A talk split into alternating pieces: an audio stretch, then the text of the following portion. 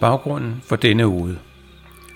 Spørgsmålet om at kende mig selv er helt centralt for den proces, jeg befinder mig i.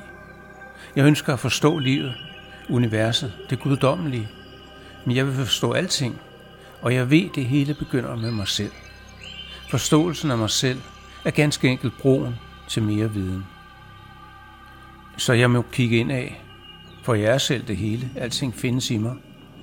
Der er kun én hindring, kun et spørgsmål, som jeg må stille mig selv. Tør jeg kigge? Her kommer ude nummer 97. Hvem er du? Tør du kigge? I de mest kringlede kroge af mit sind. I min indre verdens dybe og mørke oceaner. Ude på de mest ugæstfri og golde stepper – og langt inde i de frodigste og farligste urskove. Og måske oven i købet, i den uendelige stilhed mellem min krops molekyler og atomer. I denne indre verden vil jeg planlægge jagten. Her vil jeg gennemføre mine ekspeditioner. Afdække og dokumentere de vigtige vidnesbyrd, brudstykkerne, alle de små historier og beviser, alt det, der sammen danner historien om mig. Jeg ved, det bliver en livslang opgave, og erkendelserne vil indfinde sig drøbvis. Tålmodighed er kodeordet, og processen lige så vigtig som målet. At tage sig tid er ikke min kernekompetence, men desværre den eneste vej. Imellem de enkelte ekspeditioner vender jeg tilbage til den ydre verden.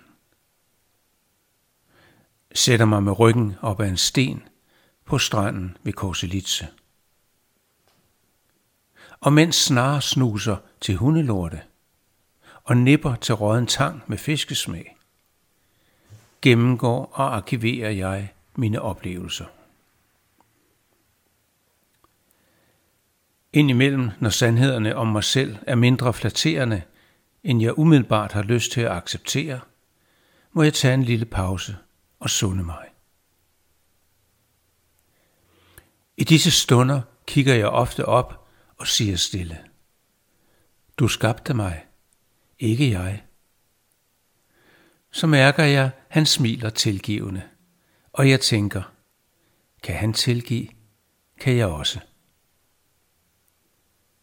Og dog er det disse ubehagelige sandheder, jeg sætter mest pris på. Det er dem, mit sind gør mest for at skjule. De er gemt bag hemmelige døre i mit indre. Men det er også dem, der gør størst forskel, når de afsløres og erkendes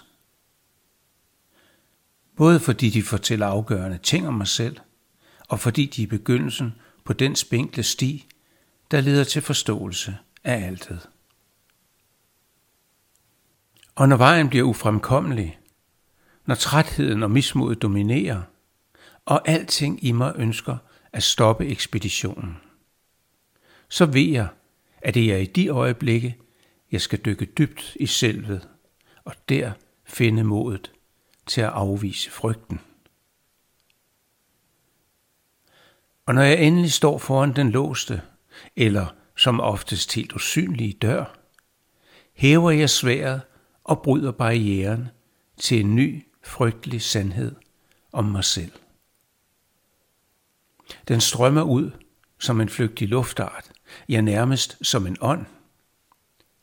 Omslutter mig og holder mig fast i et jerngreb, lige indtil jeg åbner mit sind og slipper den ind.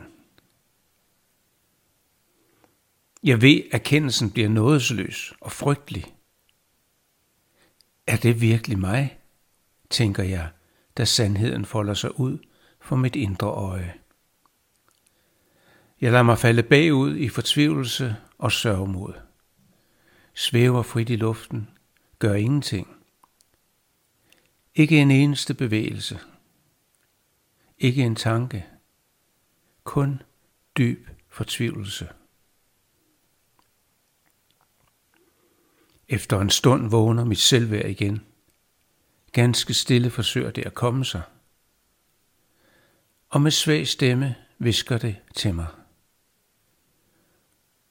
Du er god nok. Husk, du er god nok.